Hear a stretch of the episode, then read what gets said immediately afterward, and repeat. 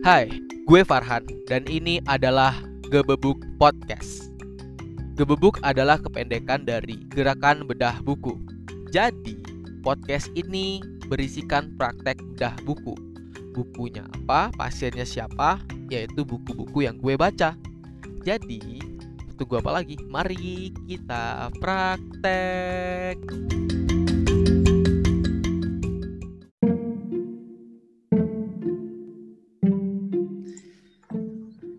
Yo, assalamualaikum warahmatullahi wabarakatuh. Selamat datang kembali ke Keluarga Pasien, tentunya bareng gue Farhan. Dan kali ini kita akan bedah buku lagi. Setelah sekian lama saya tidak bedah buku di podcast ini karena Asik.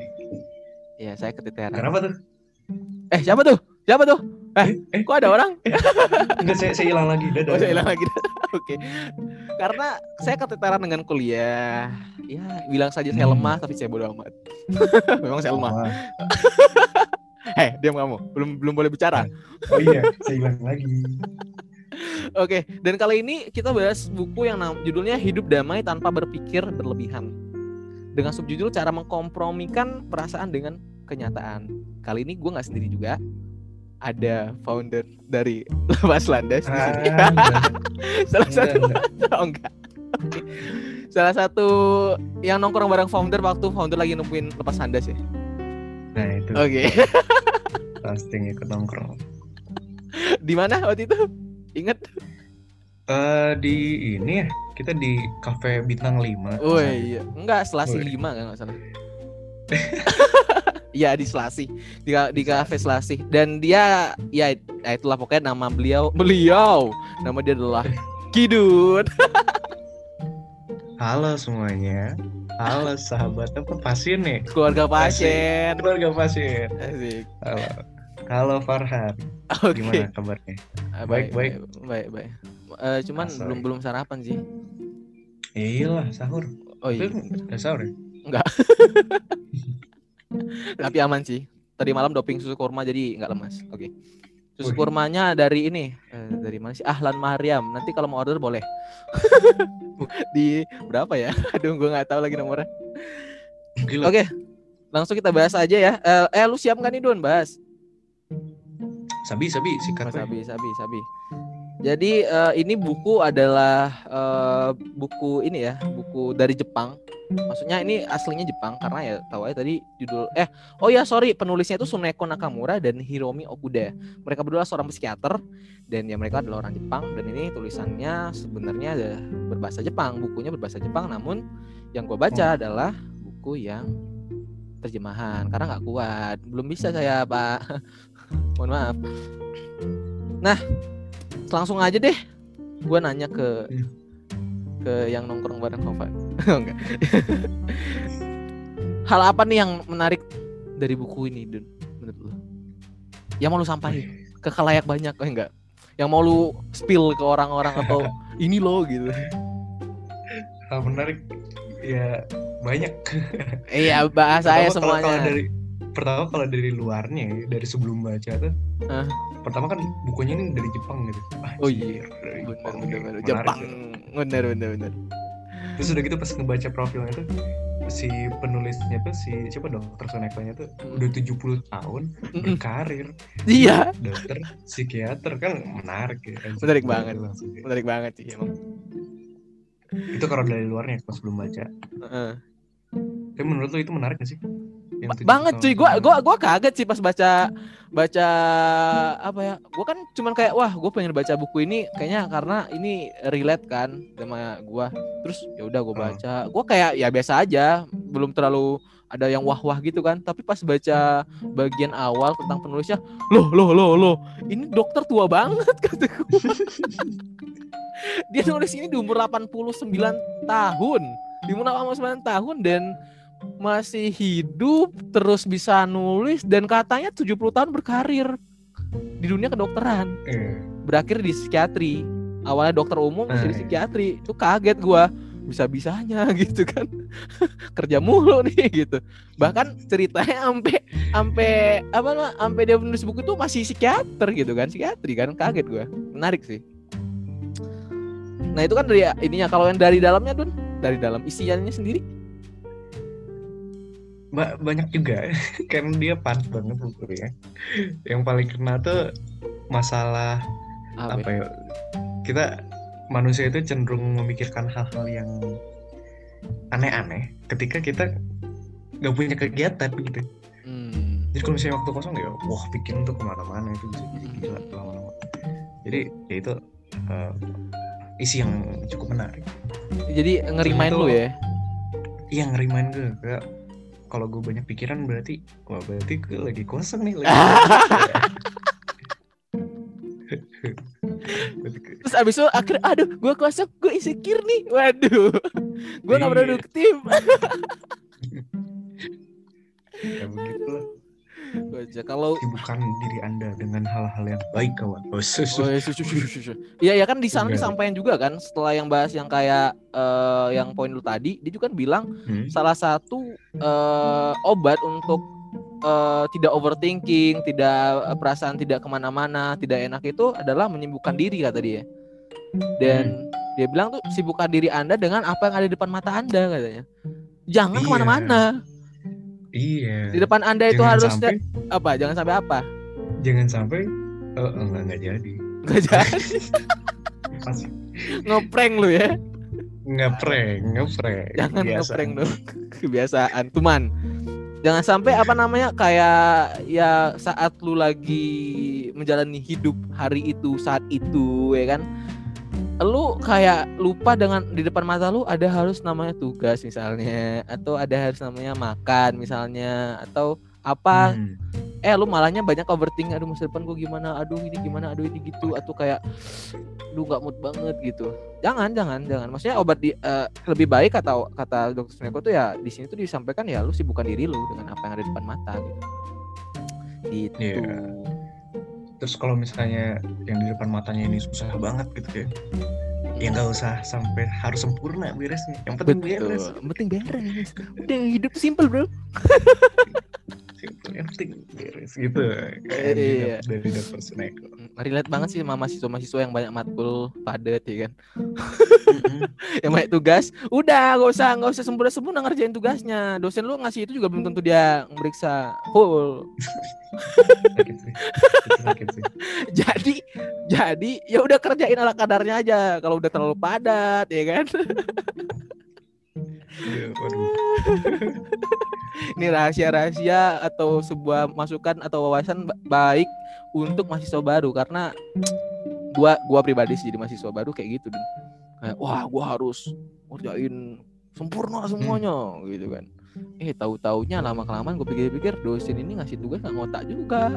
Terus yang gue lihat-lihat dia kayaknya nggak terlalu mikirin kondisi kita nggak terlalu juga meriksain eh, ini terus nggak terlalu mikirin untuk dia pa- kita paham atau enggak terus kenapa saya harus mengerjakan dengan sempurna? Gitu. akhirnya akhirnya sekarang sekarang gue kayak ya udah lah kadarnya aja. Itu. Ya sebenarnya dosen itu ini pengen mendidik kita apa? Untuk berpikir kayak gini berpikir kayak nggak apa-apa nggak usah sempurna yang penting oh beres iya gitu iya, bener bener. Khususnya sih gue gitu cuy. Oh, dosennya gitu. Eh, eh, eh, eh, Jadi sebenarnya kan karena karena banyak PR itu kita menemukan hal ini kan. Betul keren. betul. Betul banget. Kalau enggak gua gua nggak bisa tuh menemukan hal ini cuy. Itu dosen kayaknya Iya. pengalaman pribadi waktu zaman mahasiswa juga kayak gitu. Oh bagus nih kalau gue lakuin lagi ke mahasiswa gua karena gua dapat pelajaran saat itu. Jadi gue pengen mahasiswa gua ya kan dapat pelajaran yang sama. Makanya gue kasih tugas banyak. Ya. Itulah ya. Oke kalau ada lagi nggak ya yang lain ntar gua gua pengen baca baca highlight lagi lah.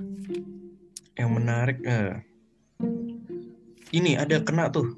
Apa bab, ya? bab sekian. Orang nggak tahu lupa. ya bodo amat poinnya Tapi apalah poin dua-dua itu Poin dua-dua bukan nasihat yang dibutuhkan. Mm-mm. Ini ka- kata-katanya gini ya, bukan nasihat yang dibutuhkan untuk bangkit dari kesedihan. Tapi yang dibutuhkan adalah waktu. Wis. Waduh. Gimana tuh maksudnya? Jadi kalau misalnya lu lagi sedih nih, sebenarnya Hmm. kita tuh ya butuh sih sebenarnya butuh juga, tapi bukan nasihat gitu yang paling dibutuhkan, tapi Mm-mm. spare spare waktu. Nanti juga sembuh sendiri gitu. Masih sembuh sendiri. Gimana ya. menurut itu? Iya, sering sih kadang kayak em, gua pribadi kayak ah gue lagi down nih gitu. Ah gue cari lihat-lihat Hmm. motivasi-motivasi lah gitu. Gue lihat ini apa orang produktif lah.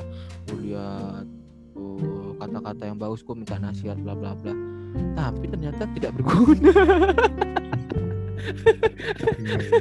dan setelah itu memang bener kata dokter Seneko yang paling paling paling menyembuhkan itu waktunya gitu Em, ya menerima saja intinya sih.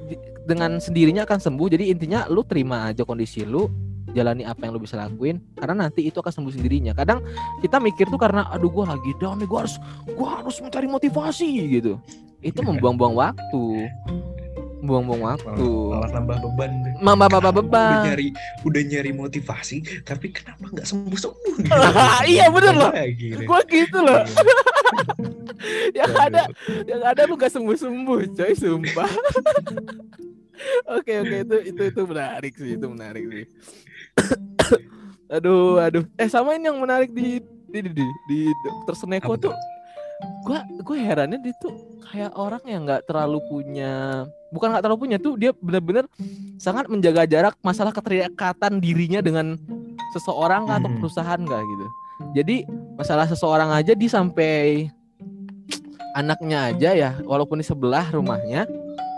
Gua nggak tahu kadang ngomong sebelah kadang sa- sama lingkungan. Gua nggak tahu nih sebenarnya persis di mana jelas dekat aja. Itu cuma sekali seminggu dia ke rumah anaknya gitu. Sekali seminggu doang. Selebihnya dia nggak pernah Ya, ya, datengin. Ka- kalau orang Indo kan kayak ya dikit-dikit ngerecokin masak apa? Gitu mungkin ya. Gua gua mikirnya gitu sih datang orang tua ke anaknya "Eh, masak apa nih nih? Eh kamu kok gitu masaknya? Masak tuh harus pakai ini pakai ini. Waduh kan nggak enak ya. Tapi maksud gua Mm. gue herannya dia bisa kayak ya hidup banget dengan sendiri gitu loh. Itu heran gue sih. Dia bisa punya pemikiran gitu kayak. Ini susah juga loh kalau misalnya bayangin walaupun orang belum pernah punya anak Mm-mm. belum punya perasaan tapi kayak- kayaknya bakal bakal apa ya bakal pengen join anak iya iya iya gitu kan, Iya, iya. datang tuh dia berhasil keman mm-mm, datang tuh nimbrung aja gitu kan bukan yang kayak mau ngapa-ngapain nggak ada nggak ada apa-apa emang pengen lihat doang gitu dia pengen lihat gitu kan kabar gimana iya iya iya, dia iya. sangat-sangat menghargai privasi atau kemandirian anak ya jadi dia anaknya tuh diberikan waktu diberikan ruang biar Mm. bisa berkembang sendiri gitu jadi Iya, iya. keren. Tapi kalau gue pribadi sih nggak bisa ngambil sepenuhnya yang kayak dia sih karena kayak yang Hmm. bener-bener ngasih jarak gue seminggu sekali doang sama anak. Terus kayak ya gue nggak ada keterikatan yang eh, eh, erat banget sama so- siapa pun. Dia kan lebih kayak eh gue nggak mencari kayak gue datengin orang tuh gue nggak gitu. Bahasa eh, bahasa gue mah yang disampaikan tuh kayak gitu gue nggak gitu. Tapi kalau ada orang datang gue akan sambut dengan Iya. hangat gitu dan kalau dia pergi kalau dia udah melakukan eh, udah memberikan kebaikan terus ya gue berterima kasih. Tapi kalau dia pergi ya sudah nggak apa-apa gitu. Nggak ada masalah. Cuman gue nggak nggak nggak bisa sih sampai yang kayak terlalu terlalu nggak menahatin kayak yang tadi sih. Kayak yang anaknya cuma seminggu sekali doang. Nggak bisa. Jadi poin yang gue ambil tuh gini doang dun. Dia tuh Hmm. lebih kayak menghargainya urusan orang. Sebenarnya poinnya tuh yang paling Iya. penting sana. Hmm. urusan orang itu berikanlah ah eh, kebebasan ke orang itu gitu. Jangan kayak banyak ya sebenarnya orang yang suka ngerecokin yang pernah gue lihat juga. Kayak ya ini urusan kita tapi orang tuh yang ngerecokin kayak contoh main game aja lah.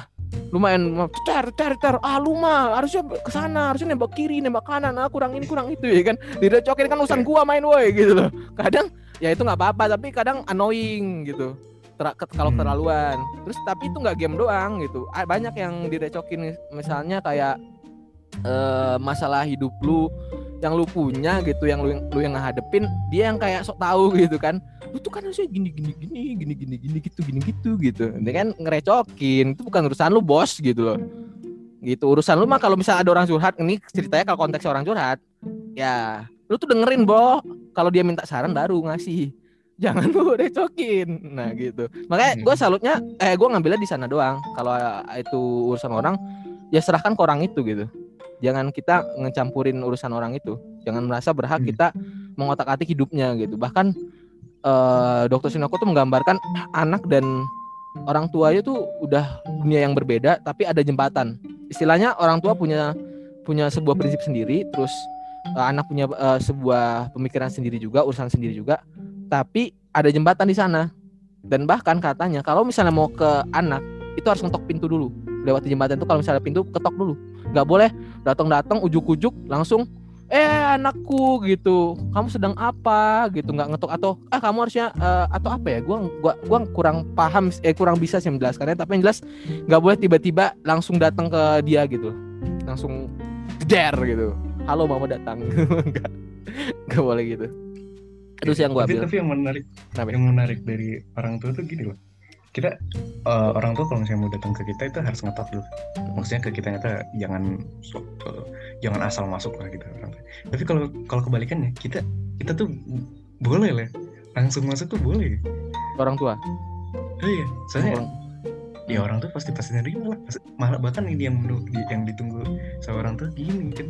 Yang Eh, yang yang seneng tuh ini kalau misalnya anak juga oh pengen ngobrol sama orang tua atau pengen iya iya curhat sama orang tua pasti terbuka gitu kayak wah itu Iya. keren gitu sih I- iya. pikir-pikir ya.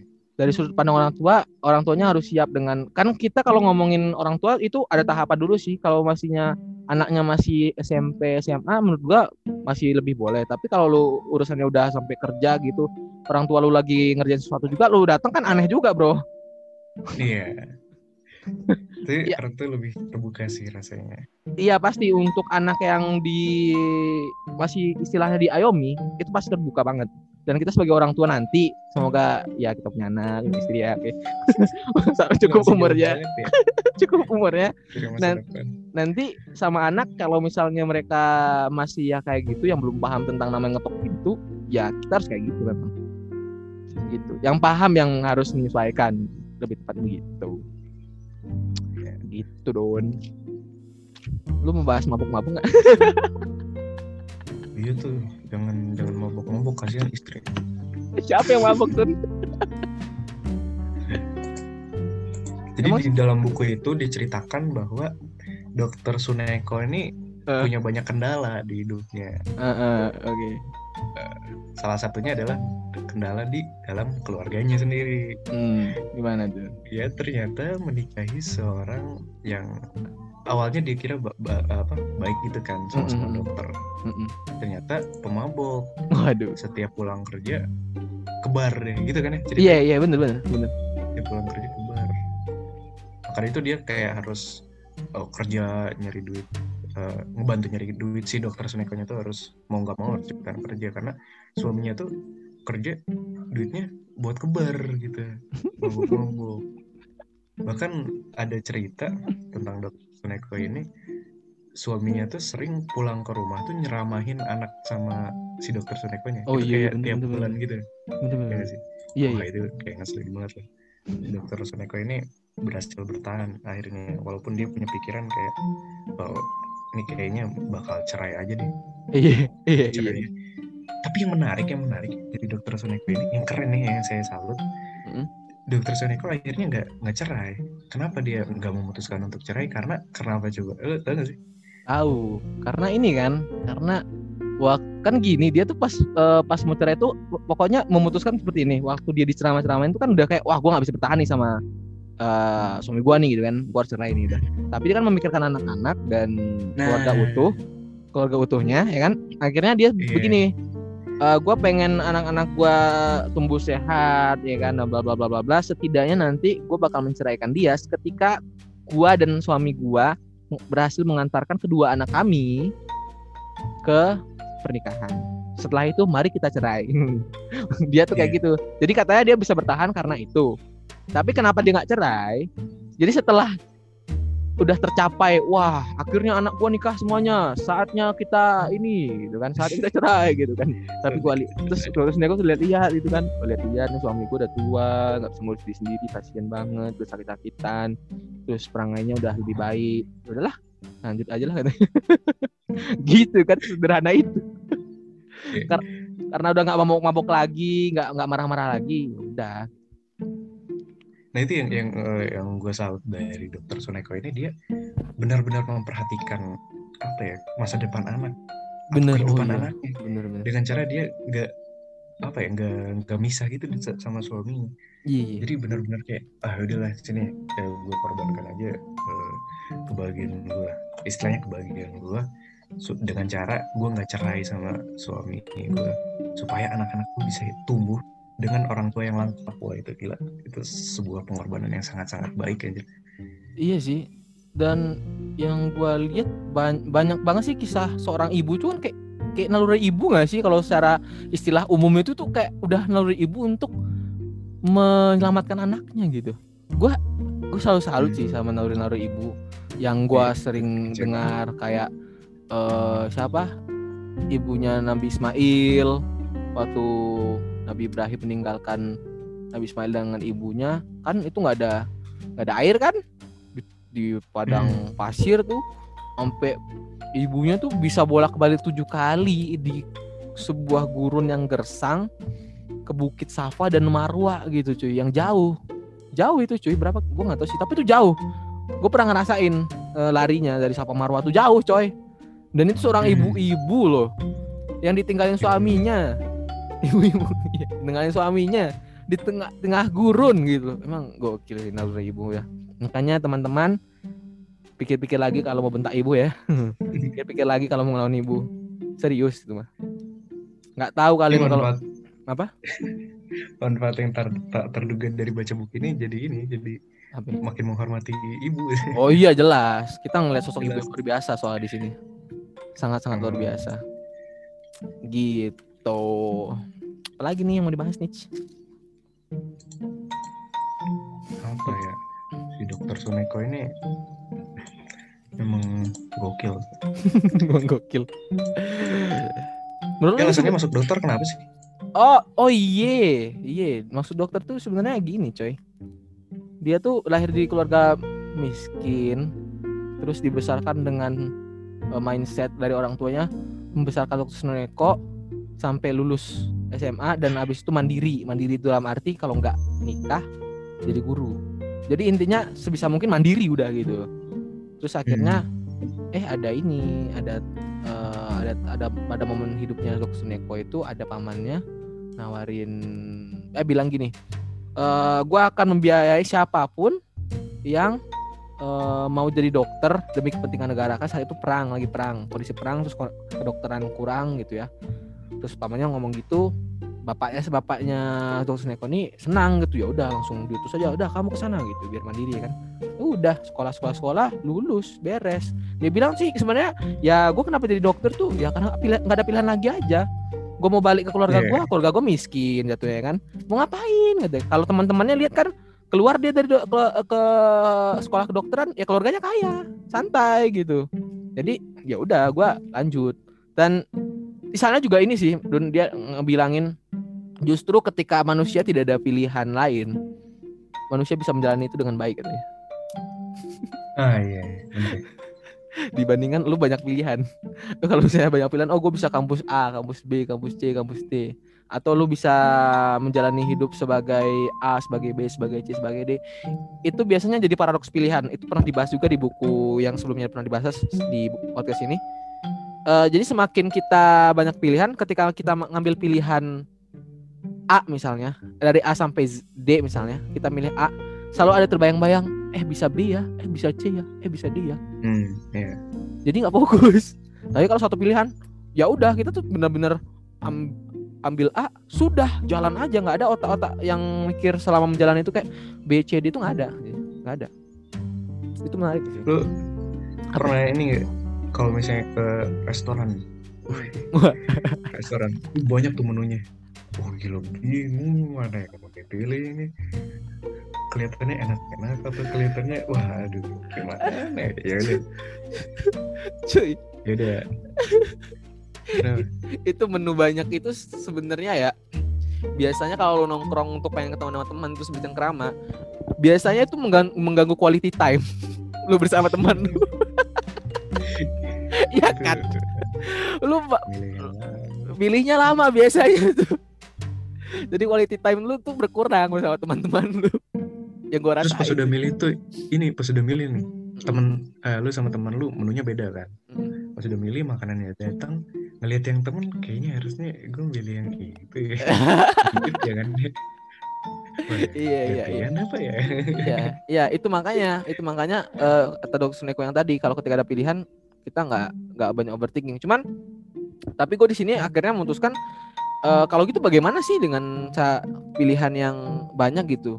Yang gue lihat adalah bener-bener kalau udah milih itu satu satu milih itu lu bener-bener kayak jangan punya jangan merasa punya pilihan lain jadi ja- tidak ada jalan kemb- eh, tidak ada jalan kembali lah untuk Jalan milih kembali. kembali gitu Hmm. iya biar fokus gitu kalau mau kan ya di setiap kehidupan orang pasti ada aja yang kayak gitu kan banyak pilihan itu. Iya. jadi cuk apa pilih dan jangan menyesali udah. Beres. Berangkat dari pengalaman lo apa? waktu S lulus SMA nih itu kan kita langsung disodorkan beribu-ribu jurusan. Oh bener. Itu lu bingung banget gak tuh? Hah? bingung banget tuh lu, ekskul waktu pengalaman lu. gua waktu UKM ini sih kan kalau gua pengalamannya UKM ya waktu kuliah tuh lihat pameran UKM tuh. Eh, enggak sih soalnya gua udah udah udah menutup pilihan yang lain. Gua tuh waktu itu pas pas masuk udah memilih untuk jadi lab robotik udah. Gua masuk lab robotik gua datang UKM tuh cuma penasaran doang eh ada apa aja sih di kampus gua? Bukan untuk masuk. Gitu. Hmm. kalau orang pas lulus SMA itu bingung mau masuk universitas mana mau masuk eh, jurusan mana. Itu kayak disodorin banyak hal dan ternyata orang banyak ketertarikan di, di banyak bidang. Hmm, kan ending endingnya bingung wah itu lama banget. Kayaknya banyak juga eh, teman-teman orang juga yang kayak gitu kan. Iya iya. Yang kayak ya, aduh ini gimana gini pas sudah masuk pas sudah keterima juga kayak kayaknya orang lebih cocok di pilihan orang yang waktu itu deh. Eh, eh, yang pilihan kedua. Aduh itu malah nambah-nambah buat pikiran. Ya gitu lah mungkin Itu pengalamannya kayak gitu ya pengalaman Iya, iya, iya, gitu. iya. Makanya benar banget kan. Benar banget kan kata dokter Sudeko itu kejadian kan. Oke oke oke. Kalau gitu kita masuk ini deh Em, apa nih pembelajaran yang udah dapat dari buku ini? Yang ya sebelumnya lu kayak belum ada gitu tapi kok habis baca bukunya timbul sebuah kesimpulan sebuah pembelajaran gitu kesimpulan eh jangan mabok Wah.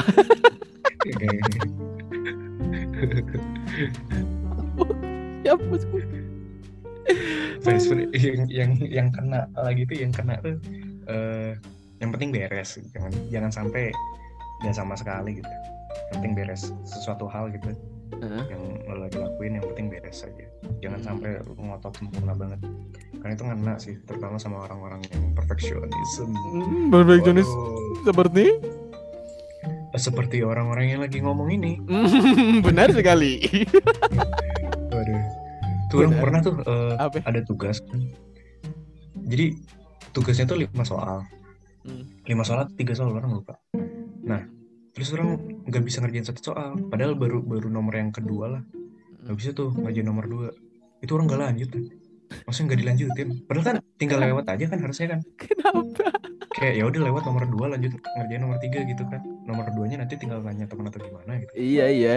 Kalau gue kayak waduh ngerjain nomor dua ngestak malah nggak dilanjutin ending endingnya malah ngejar di deadline. Ya ujung-ujungnya sama aja jelek-jelek mending mending kerjain aja dari awal ya. Iya mending kerjain dari awal. endingnya sama Endingnya Tapi sama aja. energi yang lu pakai untuk overthinking ini banyak.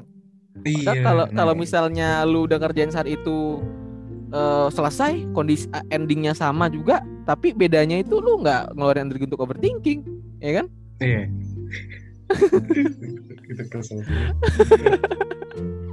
Oke kalau lu itu ada lagi nggak? Selain yang apa tadi? Eh, beres Yang- pokoknya beres aja jangan maksa-maksa sempurna. Itu dulu deh. Kalau- deh apa oke. nih. Kalau gua belajar dari buku ini nih, yang utama itu dalam hidup itu bukan mengejar ambisi, tetapi melakukan yang ada di depan mata saat ini gitu. Maksudnya gimana? Kadang nih gua juga gitu ya. Kadang eh, waktu kosong gua terlalu banyak digunakan untuk memikirkan ambisi-ambisi gua yang kayak gua pengen jadi eh, ahli IoT gitu. Harusnya gua Hmm. eh, mengerjakan hal-hal yang ke arah sana gitu. Sedangkan gua kuliah sepertinya tidak mengarah ke sana. Akhirnya gue tidak mengerjakan di depan mata itu kuliah gua. Terus gua eh berakhir dengan tidak mengerjakan apa-apa, berpikir doang. Karena keinginan mengejar ambisi itu cuman akhirnya berpikir doang karena saat itu nggak bisa gitu.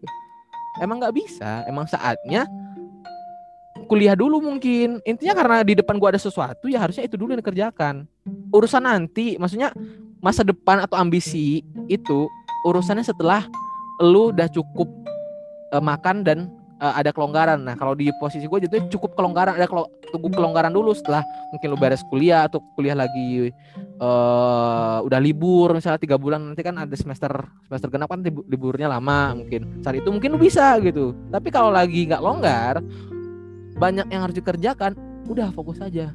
Gak usah merasa harus uh, hidup itu sesuai dengan lu gitu atau dengan ambisi lu. Jangan jangan jangan.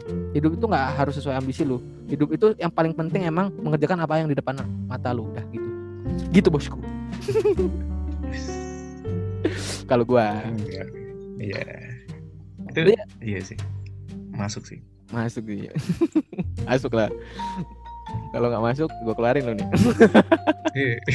gimana sih? Di kick podcast. Oke. Itu sih. Nah kalau ini um, menurut lu Dun ini buku cocok untuk siapa dah ini cocok buat orang-orang yang ya kayak kayak judulnya kan hidup damai tanpa berpikir berlebihan. Asik. Berarti hidup buat mereka yang pengen hidup damai, uh -uh. tapi ternyata dia berpikir berlebihan. gitu. Oh iya. Ya, iya. Berarti kayaknya uh, untuk mereka-mereka kayak gitu. Mereka-mereka orang-orang orang yang overthinking ya. Oke. Okay. Hmm. Berarti untuk gua ya. Uh, untuk gua udah baca. nah, iya itu benar. Terus kalau menurut gue sih untuk orangnya juga, Dun. Orang yang insecure dan merasa pengen lebih dan lebih. Hmm. Di sini itu kan dia juga nyampain kayak hal-hal kayak semacam hmm, gak usah banding-bandingin hidup sama orang lain karena ya dibalik hidup orang lain itu lu belum tentu juga bisa kuat. Misalnya lu di posisi mereka, eh ternyata mereka punya ini punya A B punya B punya C gitu kayak misalnya waktu itu ada presis presiden direktur tuh curhat ke ya maksudnya konsul ke dokter Suneko yang sebagai psikiatri saat itu.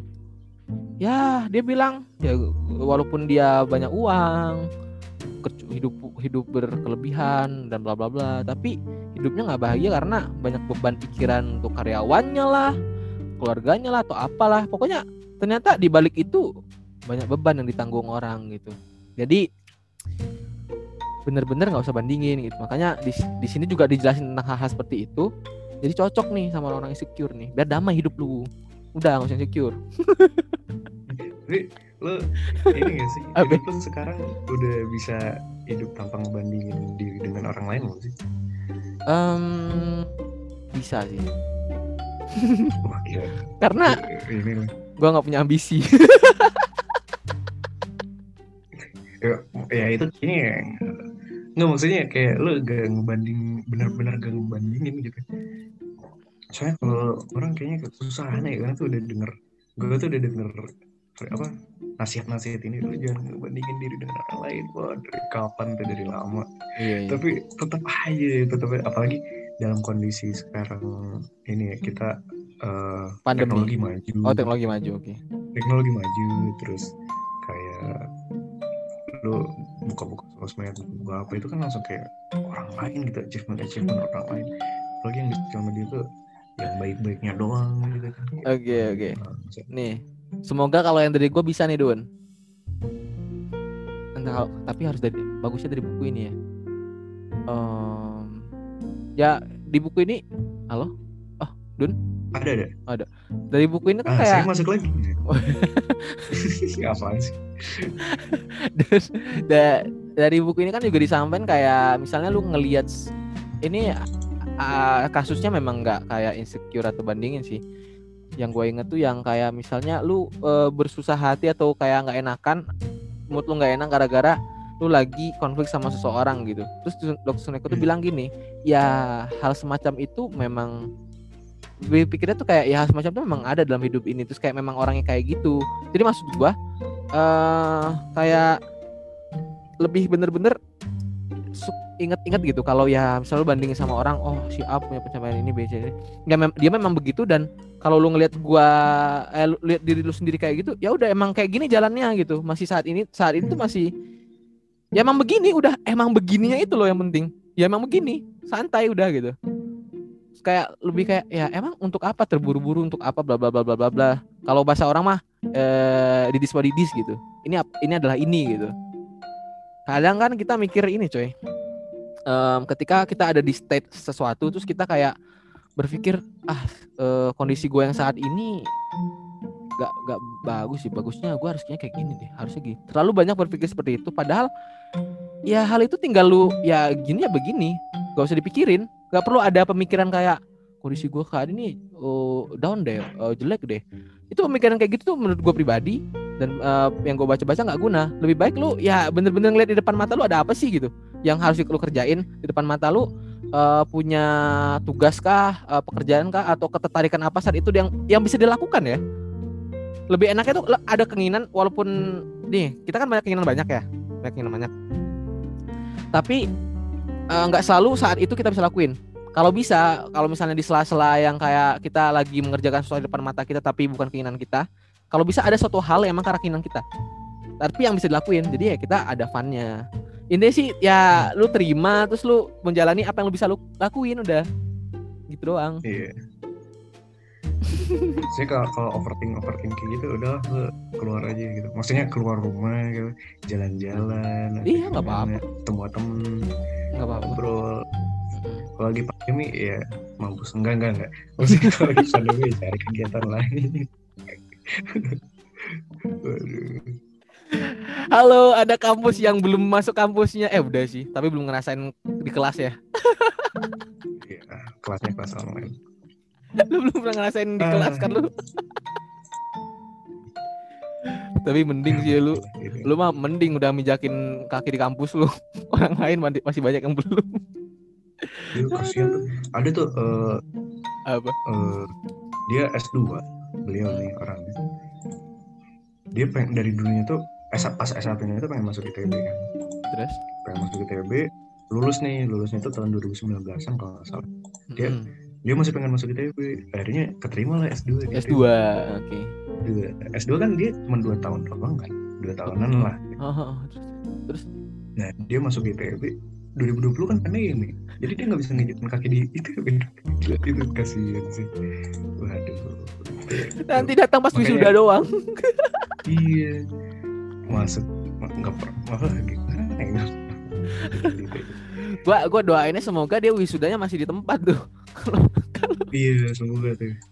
kalau kalau Iya. udah lama masuk terus belajarnya selama dua tahun mungkin satu setengah tahun atau ini apa namanya atau bahkan dua tahun ya sampai 2022 masih pandemi kan dari awal dia daftar sampai dia wisuda itu nggak pernah dia datang ITB Waduh itu sih nyesek. kasihan sih Iya. oke Makanya sekarang orang kayak oh masih ada yang masih ada yang lebih kasihan daripada udah. Jadi untuk apa orang bersedih hati? Kayak kasihan. Ayolah. Oke oke Masih gini doang gitu. oke oke berarti ya ini eh, tadi ya buku ini direkomendasikan untuk orang-orang yang overthinking dan pengen hidup damai, terus orang-orang yang ins- eh, insecure dan eh, apa tadi ya merasa pengen lebih dan lebih harus lebih lebih lebih atau sempurna Hmm. gitu. Terus nggak direkomendasikan Oh, orang-orang apa? ya? iya yang gak direkomendasikan oleh ke Enggak, enggak, lanjut, lanjut, lanjut. Ya ini nggak direkomendasikan untuk orang-orang yang yang hidupnya udah Yang- damai yang bukan bukan bukan. Eh, bukan.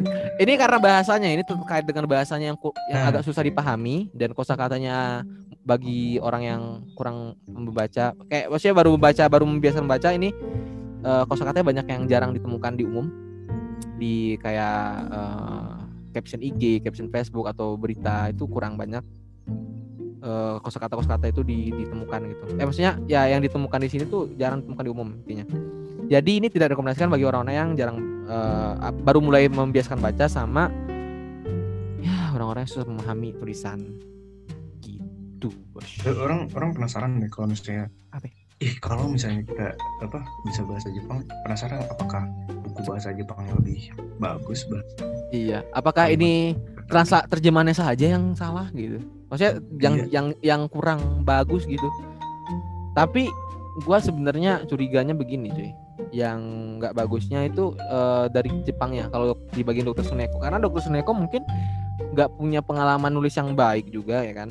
Eh, Hmm. Dia menyampaikan itu biasanya lisan mungkin dan sudah tua juga gitu kan jadi bahasa dia mungkin agak berbeda dengan bahasa zaman sekarang jadi uh, si penerjemah ini agak uh, juga dari ya penerjemahnya udah udah sesuai Dr. Sunekonya jadi kayak itu udah bahasa Dr. Sunekonya karena gue melihatnya gini kenapa gue awalnya ini apakah penerjemahnya ya tapi pas Hiromi Okuda kan dapat Iya, pas dapat bagian bab akhir kan itu ya. bab Iya, keenam iya. kan dia yang bahas kan loh kok ini bahasa enak Langsung banget lancar. ya ini enak Iya, iya. banget ya gua ini sumpah mudah Iya, banget iya dipahami gitu.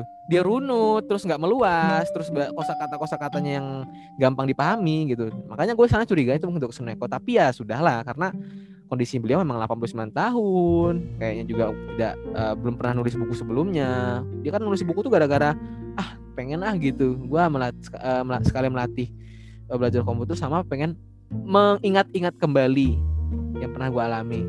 Makanya Iya. Suneko itu bikin buku ini jadi wajar dokter dokter Suneko ngomongnya pakai bahasa Sanskerta ya.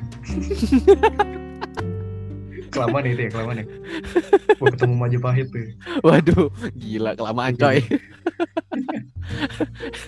Kelamaan ya. Kelamaan. Itu tapi Dokter Suneko kadang ada lucu-lucunya sih kayak gaya ngomongnya jadi kayak tiba-tiba ada hahaha-nya gitu di belakang tapi tapi kurangan bener bener. Kayak kesel banget. Kayak anjir diketawain orang hanya tuh H sama H gitu iya ha sama ha doang. Haha gitu.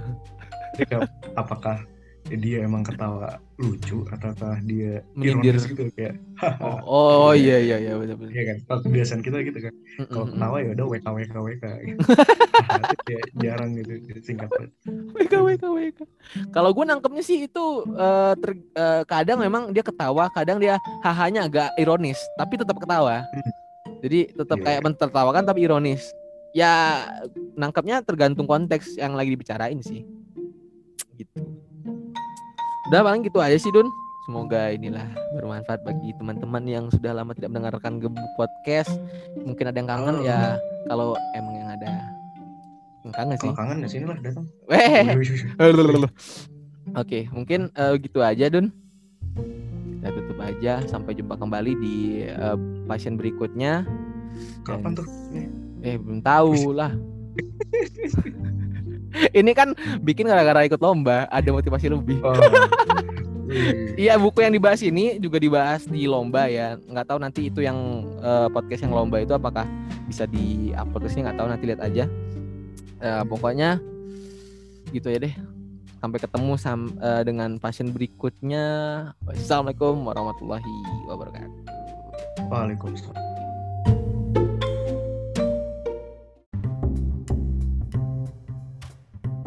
Pasien udah berhasil dibedah.